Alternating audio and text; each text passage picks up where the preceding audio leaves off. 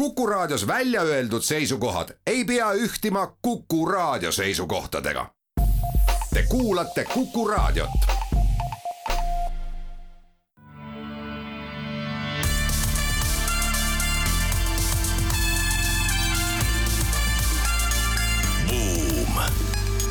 buumile annab hoogu SEB Pank tere päevast, on kolmas august aasta kaks tuhat kakskümmend kaks, oleme taas eetris Buumi saatega, saatejuhid Anto Liivat ja Ott Pärna.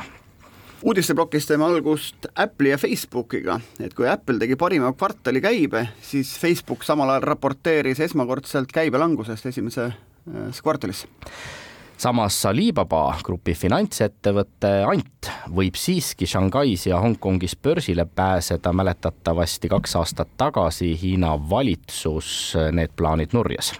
ühe huvitava teemana toome sisse Coca-Cola, kes on teinud läbi aegade suurima investeeringu omaenda inimeste digioskuste arendamisse. ja räägime ka sellest, et kui soovime senisest enam ringmajandust ja kestlikke ärimudeleid paistab olevat võti just inimeste tarbimisharjumuste ja tarbijakäitumise muutmisel. Meie tänaseks saatekülaliseks on Andres Kostiv, digitoodete disainer ning Google'i disainisprintide läbiviija, kes aitab meil ka uudiseid kommenteerida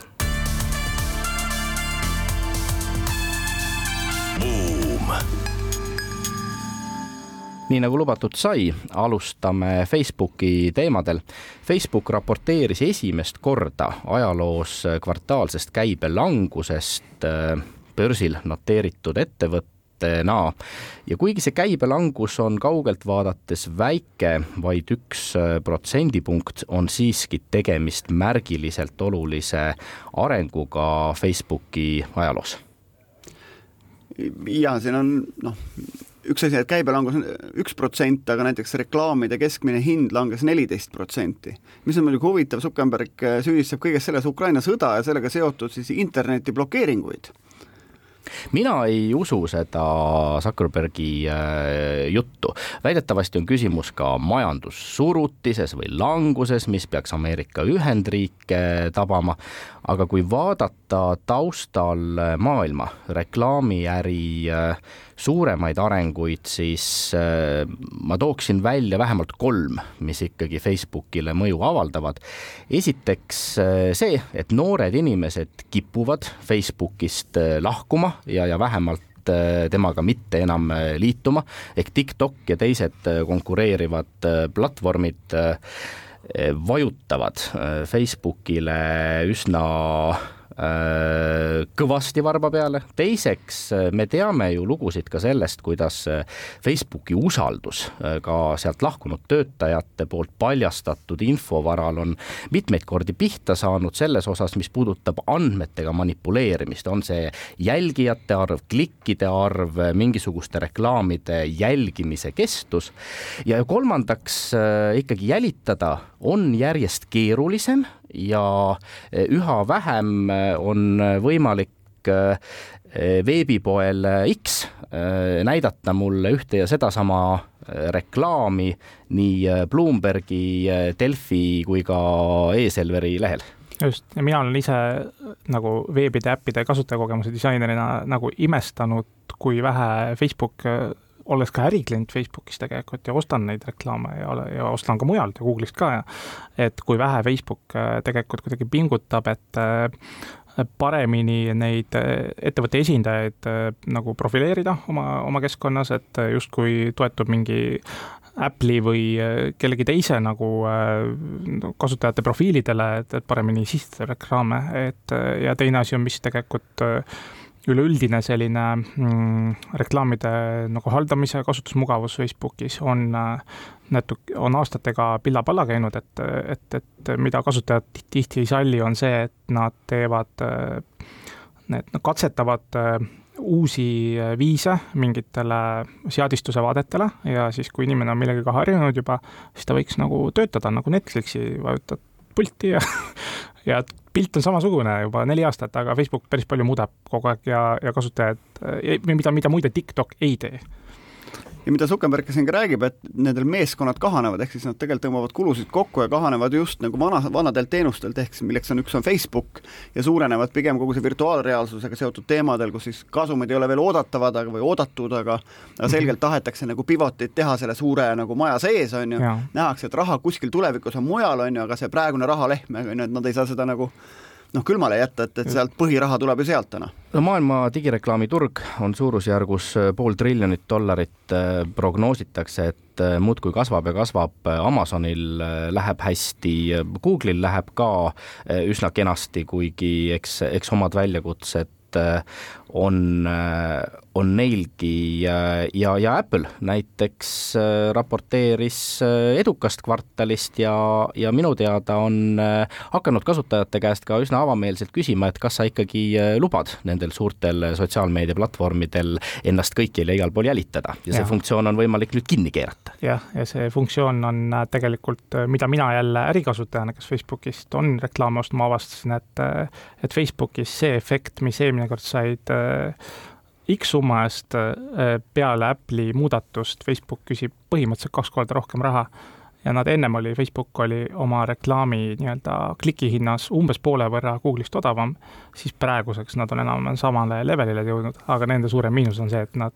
kasutajatest teavad ilmselt kordi vähem kui Google või Apple. no ütleme, nende suurte konglomeraatide puhul toimub, ma saan aru, toimib ka see, et hea ja halb politseinik, et kui Facebook on selgelt halb politseinik, siis Apple püüab ennast kehastuda nagu heasse politseiniku ja selle arvelt ka siis oma aktsiahinda nagu turgutada. no mis on mhm. huvitav muidugi see, et kui sa mõtled, et noh, et, et Covidi aeg, kõik istusid kodus, lennata, trans-, ei saa mingid jupid ei liigu, on ju, ja siis äh, selline riistvaraettevõte või, või noh, Apple, kes põhilise raha teenib ikkagi iPhone'i müügist, raporteerib kasumeid, on ju, ja teenusettevõte, kelle kulubaas võiks olla madalam ja keda ja. igasugused sellised mingid tarneraskused ei peaks häirima, pigem raporteerib kahjumist, et mul on tunne, et Facebooki näol ikkagi on tegemist saamatuma ettevõttega kui Apple'i näol ja Apple'i puhul on huvitav veel see, needsamad iPhone'id, millega nad siis põhilise kasumi teenivad, et nende müük kasvas kolm protsenti esimene kvartal, kui üleüldse maailmas üheksa protsenti kõikide nutitelefonide äh, müük langes. ehk siis tegelikult suhteliselt vastu tuult sõidetakse ikkagi hästi ja tegelikult no ei ole ka suur saladus, et Ameerikas on äh, Hiina tootjad, mis meil on äh, Huawei ja siis nüüd see Nothing Phone'id, et on nagu turult välja puksitud või neil ei ole lihtne turule saada, et tegelikult Ameerikas Apple'i, Apple'i kultus nagu kasvab mürinaga, äh, Macide tootmine toodi Ameerika pinnale, teenused on väga võimekad, äh, videoteenus Netflixi vastu on väga võimekas, võitnud siin auhindu asju. App Store sinna otsa. App Store, muusikateenus, et noh, jah, ühesõnaga kuidagi tundub jah, et, et, et Facebookil sinna metaversumi, mis nad tahavad siis nagu, et sul on virtuaalreaalsus, liitreaalsus ja siis sa saad umbes endale noh, NFT siis non-fungible token itena osta endale siis mingisuguseid äh, virtuaalmeeneid, et äh, minu meelest ühtpidi on see tore idee, et ära osta endale Aliekspressist mingit träni, vaid pane, paneme virtuaalreaalsusprillid pähe, osta endale siis näiteks, ma ei tea, McLareni mingisugune uks ja vaata seda oma toanurgas. ja, ja siis noh et sa kola ei kogune koju, eks ole, saad virtuaalreaalsuses osta, aga, aga et, et noh, see product market fit, et natuke hakkab minema väga sinnamaani, et noh, et ikkagi kas sa mõtled, kas see ettevõte on nagu vitamiin või, või valuvaigisti, siis ta hakkab minema sinna vitamiiniks. et noh, ma võin seal Facebookis olla või neid kõik need asju tarbida, aga tegelikult ega ma ära ei sure, kui ma seda ei tee mm. -hmm. ja, ja ta varasemalt oli ikkagi selgelt noh, hädavajalik toode, ma ei tea, omaenda sõpruskonna manageerimiseks üks toode, mis kahtlemata on hädavajalik, on äh, Alipay ja Alibaba grupi finantsettevõte Ant võib siiski Shanghais ja Hongkongis börsile pääseda, vähemalt niimoodi on andnud äh, Hiina regulaatorid äh, mõista, mäletatavasti kaks aastat tagasi Kompartei ja Hiina valitsus üsna ootamatult Anti börsiplaanid nurjasid. tegemist oleks olnud siis läbi aegade kõige suurema börsil noteerimisega mahus kolmkümmend seitse miljardit dollarit, mis siis teinuks Antist ka maailma suuremate pankadega võrdväärse turuväärtusega, seal suurusjärgus kolmsada miljardit dollarit ähm, ettevõtmise. ülelihtsustatult paistab mulle, et äh, see diil, mille ette Jack Ma asetati, äh, oli umbes selline, et et äh, sina annad oma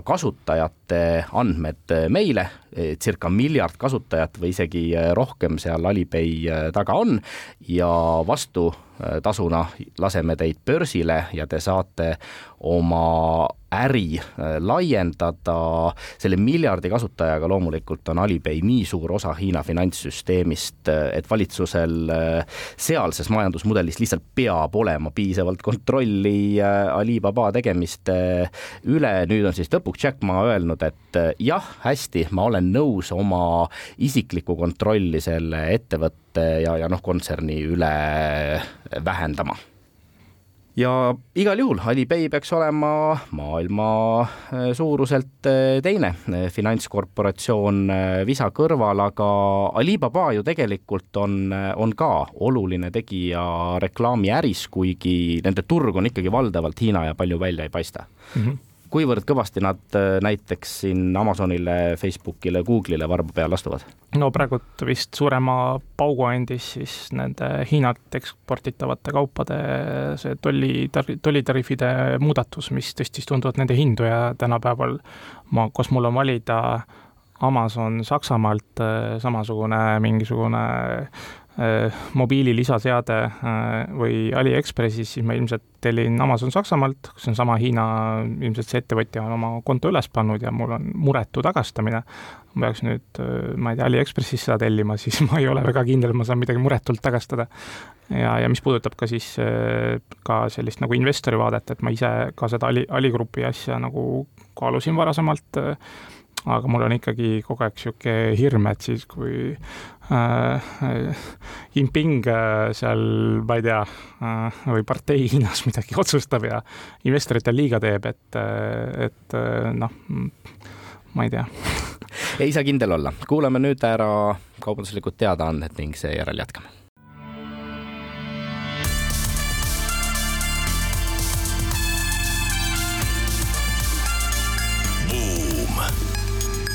buumile annab hoogu SEB Pank oleme tagasi Buumi eetris, saatejuhid Anto Liivet ja Ott Pärna. meie tänaseks saatekülaliseks on digitoodete disainer Andres Kostiv, kes aitab meil ka uudiseid äh, kommenteerida. meie hea saatepartner SEB on andnud teada, et nende uuringuandmete põhjal iga viies Eesti ettevõte kasutaks laenu selleks, et vaadata üle oma ärimudel äh, Covid äh, mõju ning Äh, Ukraina sõja äh, valguses oma ärimudeleid ja sellega seonduvalt äh, digitaliseerimisprotsesse või, või protsesside digitaliseerimist püüavad edendada ka maailma suured ettevõtted, küll aga tuleb välja, et pelgalt protsesside digitaliseerimisest ei piisa selleks, et soovitud positiivset mõju äh, saavutada ning Coca-Cola on käivitanud nüüd oma töötajate digioskuste arendamise programmi, mis on selle ettevõtte ajaloo kõige suurem investeering majasisesesse täienduskoolitusse jah, et Coca-Colas on seitsekümmend üheksa tuhat inimest, et siiski on suhteliselt väike osa, kes nendest, sellest osa saab, aga no neli tuhat siiski. see neli tuhat siiski ja, ja kas see mitte ei olnud mõned kuud tagasi, kus me siinsamas Buumi saates rääkisime ühte, ühe Iiri juurtega suurest konsultatsioonifirmast, kes just nimelt Covidi aega kasutas ära selleks, et massiliselt oma töötajaid siis digioskuste osas arendada et noh, mis siin muud, kui on Coca-Cola Grupp on aru saanud, et, et äh, need oskused üle ettevõtte aitavad ilmselgelt ettevõtte konkurentsivõimele kaasa, seetõttu me ei tea, see ei ole, ühesõnaga digitoote areng ei ole mingi tehnoloogiaüksuse mingi väike ülesanne, vaid see on kõikide teenuste ja toodetega seotud teema ja noh, ütleme KAK miinimum, kõik inimesed peavad vähemalt ühte keelt selles osas rääkima, et kui mm -hmm. teemaks võetakse, kõik saavad aru, millest on jutt. ehk siis selge on see, et projektides on projektijuhid, tehnilised teostajad ja nii edasi, aga aga ükskõik, mis valdkonnas sa töötad, sa pead, pead pädema neid, neid teemasid, et sa ei saa neid ignoreerida, kui sa tahad selles grupis jätkata. McKinsey uuringu andmed ütlevad, et ainult äh, üks protsent äh, ettevõtetest, äh, keda nad käsitlevad ettevõtete nagu tarneahelad omavad kriitilist rolli äritegevuses, väidab, et neil on olemas majas vajalik pädevus ja, ja kompetents selleks, et äh, digiteerimisprojekte ellu viia ja ettevõtte toimetamisi ümber korraldada mm. -hmm. see, ma ise just see on niisugune värske uudis, aga ma imestasin umbes seitse aastat tagasi ka ühele organisatsioonile nii-öelda teenusedisaini tehes ja ja nad tellisid äh, põhimõtteliselt kolmekümne tuhande eurose tarkvarajupi siseprotsessi korraldamiseks, olid tellimaas ja siis ma li esitasin lihtsa küsimuse, et äh, et mitu korda kuus ja mitu inimest seda kasutab. siis ta ütleb, et kaheksa inimest üle Eesti, tund aega kuus. siis, siis, siis tegime ajurünnakut, okei okay,, et mis see lahendus võiks olla ja ajurünnaku juures nagu teenusdisaini mõttes siis äh, selgus, et äh, tegelikult neil on äh, olemasolevate protsesside koolitused kõik tegemata, uue töötaja nagu baaskoolituse, nagu täiskasvanu koolituse põhimõttel. ja, ja lõpuks asi lõppes sellega, et me veensime neid, et teil pole mõtet kolmekümne tuhande euro eest programmeerida mingi jupp valmis, mida siis kaheksa inimest tund aega kuus kasutavad, et parem koolitage neid Office kolm kuus viis tööriistu kasutama ja te saate sama asja nagu tehtud ja, ja, ja nad olid happy, et, et see töö ei käivitunud. aga noh, see oli niisugune väga hea näide, kuidas otsu- ja otsustati koolitusse investeerida nii et. Äh, no me teame ka seda tegelikult noh, et kui me siin tagant pragmaatika hakkab asja vaatama, siis kõigepealt on see, et igasugune täiendkoolitus on maksuvaba, on ju, et odavam on inimest koolitada, kui talle palka maksta esiteks, teiseks on see, et me teame, et äh, uue inimese palkamine on vähemalt noh, nagu uue kliendi leidmine versus vana kliendi hoidmine sinna viis kuni kaheksa korda kallim kui, kui olemasolevate arendamine. ehk siis jälle suht-, noh, nii suure firma puhul tundub ratsionaalsem omaenda meeskonda arendada, kui noh, massiliselt teda välja vahetada, eks et, et ähm, ja võib-olla kolmas, mis on minu meelest, äh, kuivõrd Covidi ja kogu selle turbulentse maailma kontekstis, maailm on palju muutunud, et siis sellised massilised täiendkoolitused on omamoodi ka motivatsiooniüritused meeskonnale, kus tegelikult meeskond hakkab sarnasemalt aru saama, mis on need väljakutsed, aga noh, see tiimitunne tekib, sest et nendel koolitustel nad ometi on koos on, ja tihti on nad koos ka üle mingite üksuste mm -hmm.. ehk siis, et seda nagu, seda väärtust on mitmetest ettevõtted. on küll jah, et, et see on, see on hea asi. pikka aega nii akadeemiliste kui ka täienduskoolitusprogrammide arendamisega tegelenud inimesena mulle ka väga meeldis Coca-Cola lähenemine sellele koolitusprogrammile, kus ei keskenduta mitte ainult tehniliste äh, andmeanalüüsi või äh, kujundamise, veebidisainiga seotud oskuste arendamisele, vaid on kolm suurt plokki, milledest esimene keskendub teadlikkuse tekitamisele ja, ja huvi tõstmisele digitaliseerimise vastu, siis teine plokk kitsamalt Äh, nendele oskustele, mis on digimuudatuste ellukutsumiseks ja elluviimiseks mm -hmm. tarvilikud ja, ja kolmas plokk siis alles sellistele tehnilistele oskustele, mis seonduvad andmeanalüüsiga näiteks jah, no siin Harvard Business Review on välja toonud kolm sellist äh, nagu, kuidas ma ütlen, majanduslanguse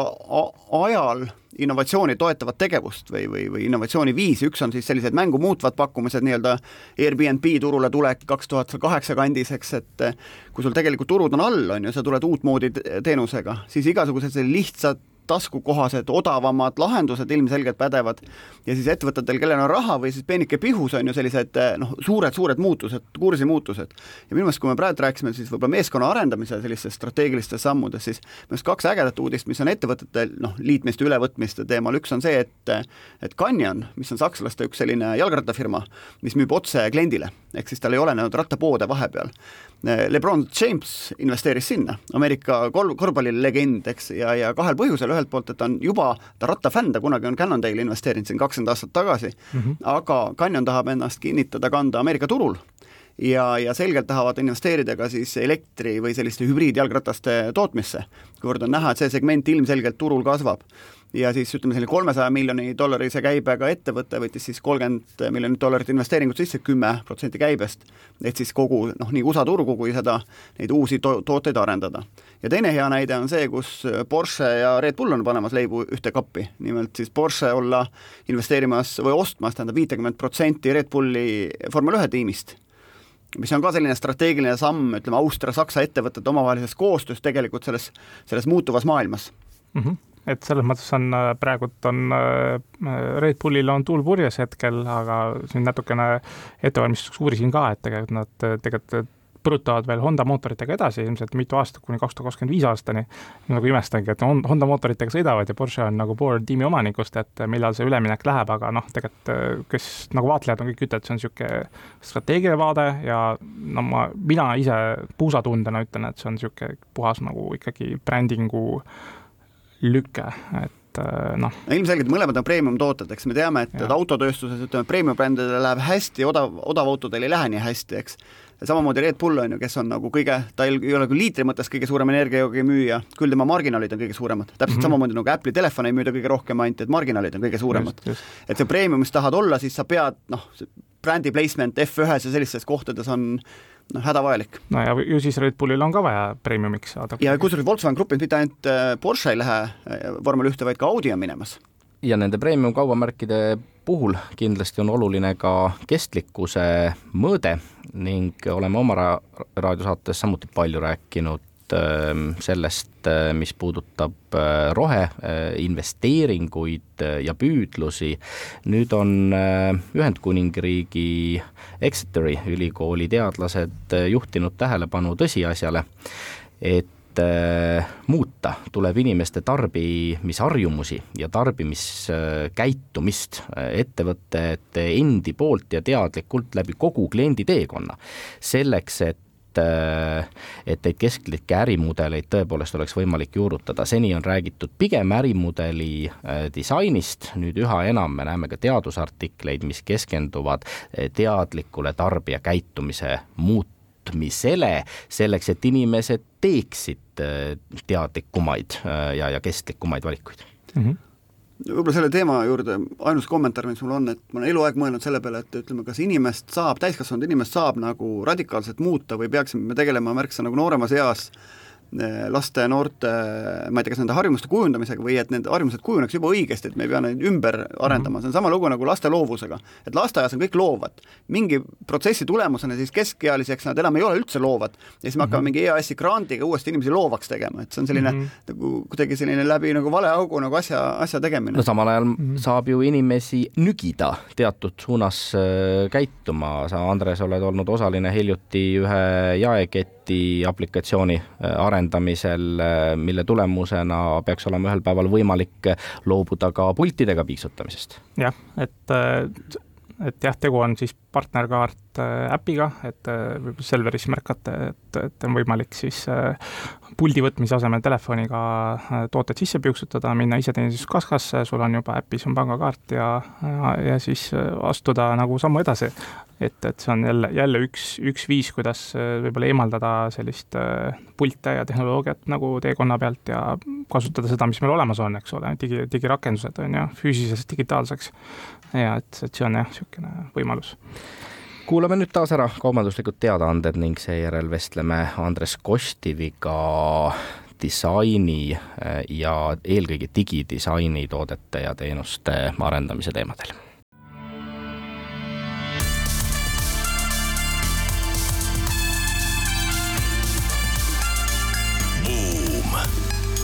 Buumile annab hoogu SEB Pank oleme tagasi Buumi saates, saatejuhid Anto Liivet ja Ott Pärna. meie tänaseks saatekülaliseks on digitoodete disainer Andres Kostiv, kes viib läbi ka Google'i disaini sprinte. ole hea, Andres, ava sissejuhatuseks, millega digitoodete disainer tegeleb ja, ja kellele ning millisel moel sa abiks olla saad? just, digitoodete disainer tegelikult on äh, võib-olla see metafoorina tooks siis natukene sisearhitektiks äkki, et kui ma ei tea, ehitajad siis kruti, krut-, panevad seina püsti või krutivad uksed ette või otsustatakse ära, mis värvi uks on või mis, mis värvi sein on või mis vaip tuleb põrandale. ja, ja teistpidi on sul siis äh, mingisugune omanik või tooteomanik või teenuseomanik. et ma olen siis nagu äh, toote, digitoote või teenuse omaniku ja siis äh, programmeerijate vahel olen siis äh, põhimõtteliselt inimene, kes puust ja punaseks äh, siis, kuidas võiks asi välja näha, mis võiks kasutajakogemus olla. ja võib-olla teine hästi oluline osa selle, selle kasutajakogemuse ehk siis user experience'i lühendiga UX osas on see, et et nii nagu programmeerimises testitakse, kas koodis on vigasid, samamoodi tuleb ka disaini testida ja tuleb siis inimeste peal nagu vastloodud disaini nagu katsetada, kas nad saavad aru või ei saa aru. kuidas seda tehakse? no seda tehakse siis niisuguse äh, lõppkasutajatega testimisega ja põhimõtteliselt niisugune äh,, üks niisugune hea näide ka veel tuua, et ma ei tea, ma avan uue kohviku äh,, inimesed astuvad sisse, mu kohviku põrand on libe, seal peal on mingi õlevaip, ma arvan, see on ilgelt äge disain, kuskil Hauka laadalt ostsin, on ju, ja siis näed, esimene inimene libiseb ukse peal, seal vaiba peal. siis teine inimene libiseb. Kolmas, et mitu inimest peab libisema seal vaiba peal, et aru saada, et see vaip nagu ei toimi. et siis äh, inimestega äh, prototüübi testimine käib ka tegelikult, noh, disaini testimine, paned disaini ette, ütled, et äh, noh, et, et kasutajana sul on vajadus see ja see, et oleks mingi tulemus siis ta vaatab seda disaini mõtleb, mis sa edasi teeks. ja siis, kui ta läheb seda soovitud rada pidi, siis on kõik nagu okei okay. ja siis, kui ta nagu uitab kuskile eemale või valesse kohta, siis sa saad aru, et ei ole okei okay. ja tavaliselt kuskil jah, kolme inimesega juba saab pihta, et kas püsitakse rajal või mitte me teame, mis asjad on füüsilised tooted, eks, aga mis asjad need digitooted on, et, et kas ta on ainult nagu, me räägime ainult veebilehtedest või me räägime noh, see ja. spektrum on üsna lai, et äkki sa avad seda natuke? jah, et täna juba ütleme jah, et valdavalt ikkagi tajuta digitootena ikkagi millegil, millele saab siis nagu virtuaalset nuppu vajutada, ehk siis võtame nutitelefonid ja äpid on võib-olla esimene asi, mida nagu kõigepealt tajutakse, siis võib-olla võtame mingi mm, televi-, tele, ma ei tea, Netflixi televiisori äpid võib-olla, kui sa puldiga nagu interakteerud ja siis kuni, kuni siis äh, hääl tagasiside, ma ei tea, kuulad Spotify'd ja juhid kõrvaklappidega, et pane mul järgmine lugu ütled kõrvaklappidele, et siis need, see interaktsioon, aga noh, üld, üleüldisel puhul äh, digitoodetel on pigem see füüsilise nupuvajutus on nagu puudu, et pigem on siis vir-, mingid virtuaalsed nupud ja virtuaalne interaktsioon, et see on nagu ehk siis ka valdav. kõik õpimängud ja asjad lähevad ju ka sinna mäng-? jah, jah, et see on jah, päris, päris, et noh, ikkagi kui ta paralleeli päris maailmaga tõmmata, et ma lähen ukse juurde, vajutan ukse linki, et mul on ikkagi füüsilise keskkonna nagu interaktsioon mm. ja mu ukselink ei anna mulle ekraaniga tagasisidet, et ma midagi tegin, aga nii kui ma panen ekraani, et ukselink ütleb, et ma ei tea, sa oled äge täna, kui ma ukselinki vajutan, et noh, siis on digitoode. aga kas täna, tänapäeval üldse on selliseid päris tooteid, millel ei ole nagu sellist aliast nagu digitoote näol, et noh, mis iganes autot me tahame osta, meil on tegelikult ju keskkonnad, sama Tesla on ju, tal ei olegi ja. tegelikult nagu mingeid serviceid ja asju, on ju, või, või vähemasti müügisalonge ei ole, on ju, tegelikult ja. ma läbi mingi digitoodete suhtlen, on ju, Tesla korporatsiooniga selleks, et oma Tesla kätte saada. või raha laenata selleks, et Tesla osta. mul oli väga südamelähedane autobränd siin pikki aastaid ja, ja ma põhimõtteliselt loobusin selle autobrändi brändi mudeli uuendustest äh, peaaegu neljaks aastaks, kuna tal oli kõige ebaõnnestunum integratsioon mingite Spotify'de ja Waze'ide ja mingi asjadega, ma ei saanud nutitelefoni aut-, autot väga mõnus, noh, isandusse ühendada ja minu, minu jaoks no neli aastat nagu otsu, ostuotsust nagu edasi lükata ja, ja noh, ma mul ei olnud nagu mingit ulmesoome, ta täitsa tavakasutaja, natuke veisin, natuke Spotify'd võib-olla. et, et need teenused tulevad vaikselt igale, igale poole sisse, aga samamoodi tehakse ka vahepeal mingisuguseid teenuseid lihtsalt teenuste tegemise pärast ja arvatakse, et see on lahe ja jällegi igal asjal peab olema mingi tähendus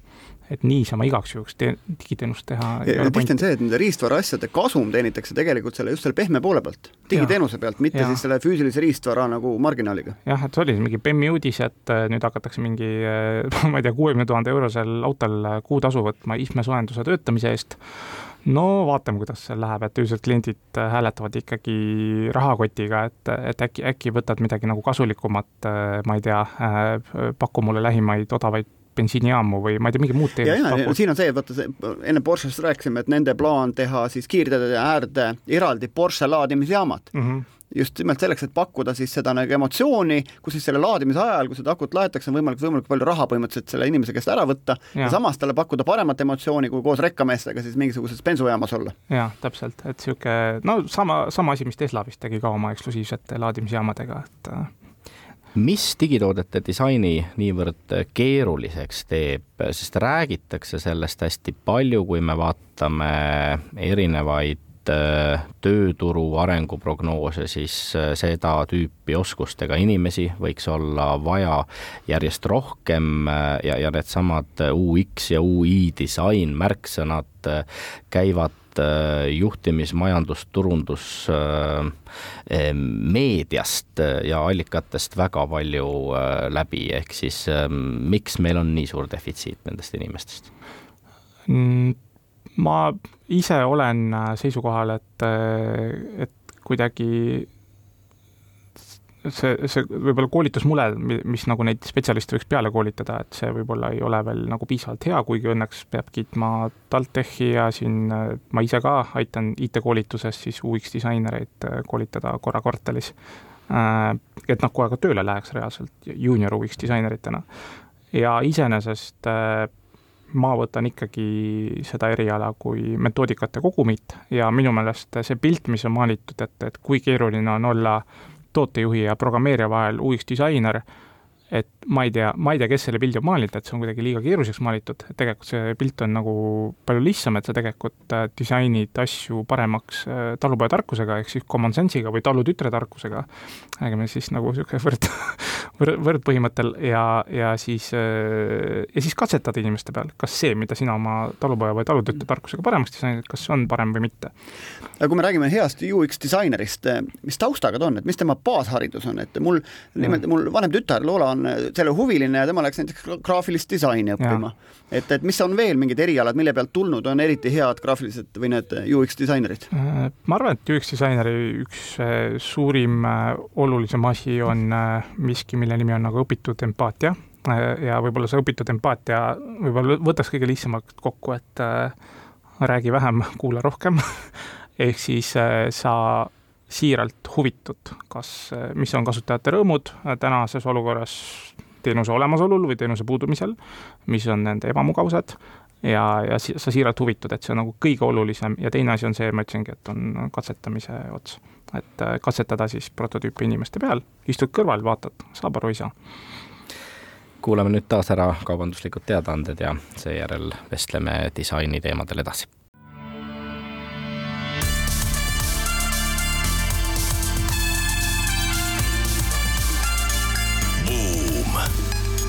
Buumile annab hoogu SEB Pank oleme tagasi Buumi eetris, saatejuhid Anto Liivat ja Ott Pärna. meie tänaseks saatekülaliseks on Andres Kostiv, digitoodete disainer ning Google'i disainisprintide läbiviija.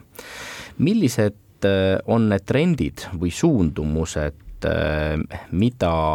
peaksid tootearendajad äh, silmas pidama seoses mm -hmm. digitoodete disainiga? no ühte asja sa kindlasti mainisid ringmajanduse nagu asju ja ringmajanduse mõttes on äh, hästi, disaini mõttes, nüüd räägime ringdisainist, Eesti Disainikeskuse, Eesti Disainikeskuse, kui te guugeldate, fookusteenuseks on ka täna ringdisaini auhind ettevõt- äh,, ringdisaini audit ettevõtetele ja siis selle käigus, ma ütlen, ongi kaks, kaks positiivset asja, et üks on nagu ikkagi Äh, maailma jätkusuutlikumaks äh, disainida äh, teenuste toodete kasutuses ja teistpidi jälle ettevõtte kulusid vähendada. et ikkagi, kui sa pakend tuleb ringiga tagasi, saad selle ka uuesti saata, siis see on nagu okei okay., aga kui sa viskad pakendi kuskile minema ja, ja maksad pärast uue pakendi pakendamise eest, et see võib-olla ei ole nagu okei okay.. et ja teine asi, mis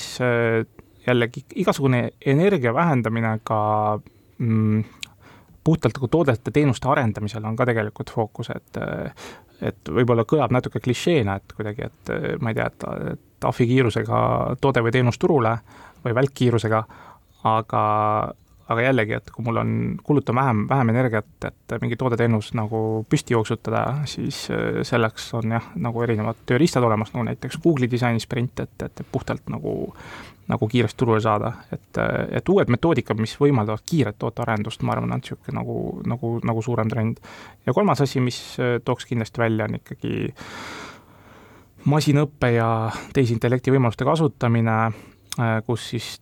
dis-, digiteenuste disainis see musta töö teeb nagu põhimõtteliselt äh, robot ära ja, ja, ja siis äh, näiteks Luka on niisugune brändingu toote nagu teenus juba hästi pikalt tegutsenud ja põhimõtteliselt paneb sul brändi püsti mõne minutiga, mida, mis muidu varem oli ma ei tea, mitu, mitu tuhat eurot kulutasid ja ma ei tea, kakskümmend koosolekut, nii et luka.com, luka.com kahe O-ga, luka mis asi see nii-öelda must töö siis ikkagi on, mida arvutialgoritm no, täna teha suudab? kunagi mul ise õnnestus kaks tuhat seitseteist aasta Eesti disainiauhindade konkursile esitada üks töö, mis oli puhtalt tehisintellekti tehtud, oli siis ITL-i bränding ja selle lasin ta ka nagu tollase Luka eelkäija poolt kokku, siis tähendab seda, et et kui mina lähen kliendi juurde ja loon talle disaininäidiseid ja ma võin sellele, ma ei tea, kümme, kakskümmend tundi aega kulutada aga põhimõtteliselt ma saan lasta tehisintellekti, intellekti tarkvaral sellest disainnäidistest variatsioone teha, mis vastavad siis nagu teatud stilistika trendidele.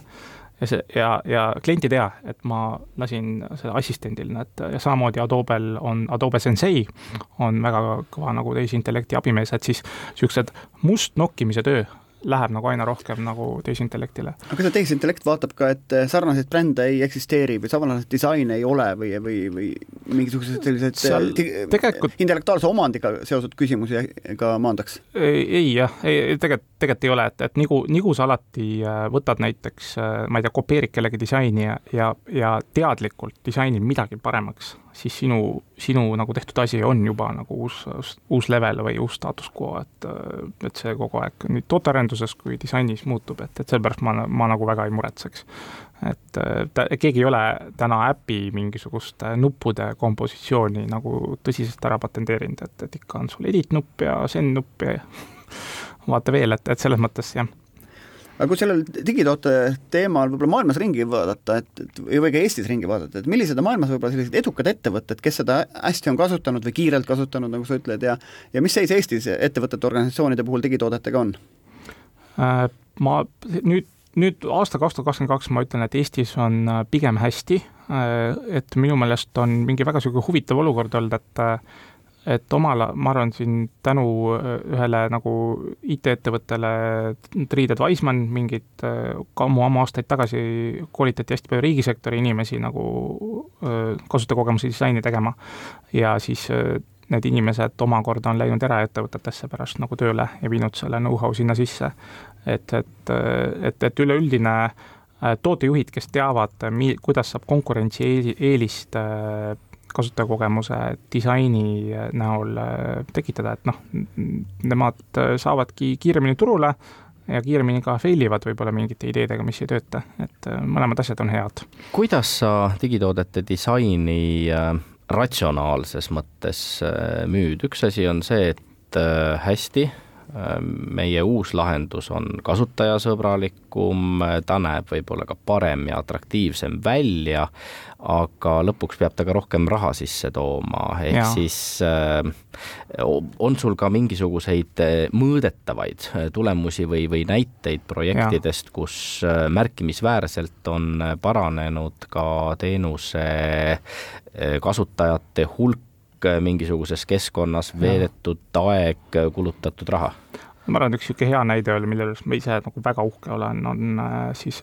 Upgrade Äh, e-pood, see on üles hästi, nagu liitsõna inglise keeles upgrade, see on seesama Kuku Grupi ja Ideali ja Valgeklaari nagu sõsarettevõte. Äh, ja siis neil siis kasutatud Apple'i seadmete e-pood ja seal oli siis, äh, neil oli kaks tuhat kakskümmend aasta jõulumüük vana veebiga ja siis me disainisime selle paremaks kaks tuhat kakskümmend üks kvartal kahes ja, ja nende jõulumüük kaks tuhat kakskümmend üks aastal tänu kasutusmugavuse parandamisele kasvas kümme korda. nii et see on üks, aga tegelikult jah, vastus su küsimusele on ikkagi, et äh, disaini ülesande ikkagi see rahalipik peab küljes olema, et su probleemil peab olema rahalipik küljes, et sul pole mõtet nagu, ma ei tea, hommikul ärkad, et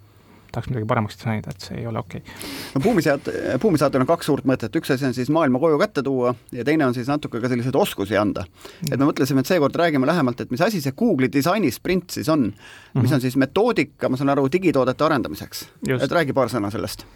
nii, et äh, jah, et Google'i, Google Design Sprint ei ole nüüd nüüd Google Docs või Google Sheets, äh, keegi võib äh, nagu eeldada, vaid see on põhimõtteliselt uute toonust, toodete ja teenuste kiiret loomine vaid nelja päevaga. Ja sisuliselt tähendab seda, et sul on võimalik esmaspäeval tulla mingi ideega, mis on sul nagu lambimullike pea kohal. Ja, ja siis pea, neli päeva järjest on workshopid ja neljandal päeval testitakse viie inimese peal su real-, realistlikku prototüüpi, mis töötab, mis on klikitav ja mis on nii realistlik, et võtab inimese ära, et ta on justkui juba ära programmeeritud. see, see on Google'i sees tehtud äh, metoodika umbes äh, kaks tuhat kaksteist, kaks tuhat kolmteist, neil sada kuuskümmend investeeringut startup idesse tehti Google'i sees nende poolt leiutatud disainsprindi metoodikaga ja umbes kaks tuhat neliteist tehti sinist värvi sprint raamat avalikuks ja Äripäeva e-poes on see müügil ka lihtsalt sprint eesti keeles, et, et ja see on lihtsalt teenuse disain kiirelt, UX disain kiirelt, et tihti, mis on võib-olla neljakuubikkune teenuse disaini protsess ja võib-olla seal sees ka UX disaini protsess muutub nagu neljapäevaseks, et nagu ongi. ja see on selleks, et, kulutada hiljem vähem raha programmeerimisele või programmeerida õiget asja, siis seda nii-öelda prototüübi tegemisele pannakse siis, ma saan aru, noh, ma olen, olles, olles tegelikult mõne disainisprindi teinud, et pannakse nii palju rohkem auru just selle prototüübi läbi nagu, katsetamisele, testimisele, et, et siis oleks, kui juba programmeerida, siis nagu õiget asja. just, et see ongi see, et jällegi vara odavalt, vara ja odavalt teada saada, et su äh, kontseptsioon ei tööta, et pärast, kui sa kolmkümmend tuhat eurot hiljem saad teada peale programmeerimist, siis on noh, kallis. et see Google Designi sprint töötab, et ütle võib-olla siitsamast äh, Tallinna tänavalt mõni, mõni äh, toodeteenus, mis on arendatud sellega ja päriselt ka töötab? just äh,, praegu päris paljud teenused, mis me oleme, ütleme, Sone uus iseteenindus, mis läks mõned kuud tagasi laivi, et kasutati siis Google'i Design Sprindi nagu metoodikaid natuke nagu, nagu pikemas keskkonnas äh,, päris palju ähm, kindlustusest äh,, iseteenindus kindlustuse ostmisel äh,, siis päris paljud riigiteenused ka, politseiuurijate järgmise põlvkonna töölaud, siseprotsessid äh,, kiirabimeedikute iPadi rakendus, nii et neid noh, teenuseid on, me oleme teinud kokku jah, kolmkümmend disainisprinti siiamaani. suur aitäh, Andres Kostiv meile saatekülaliseks tulemast. meie aeg täna hakkab kahetsusväärsel kombel ümber saama, aga kindlasti hoiame ka digitaliseerimise ja digitoodetega seonduval tulevikus silma peal meie järgmise nädala külaliseks on Martin Sillasoo, SEB finantsturgude riskinõustaja, kellega vestleme gaasituru ning tarnete teemadel ja mõistagi arutleme selle üle, kui külm talv võiks meid ees oodata ning millised on need väljakutsed, millega Eesti inimesed ja ettevõtted seoses gaasituruga võiksid eeldatavasti sügis- ning talveperioodil silmitsi seista. ehk siis Buumiga eetris oleme taas täpselt nädala pärast, kümnendal augustil, seniks aga kõike head ja kuulmiseni!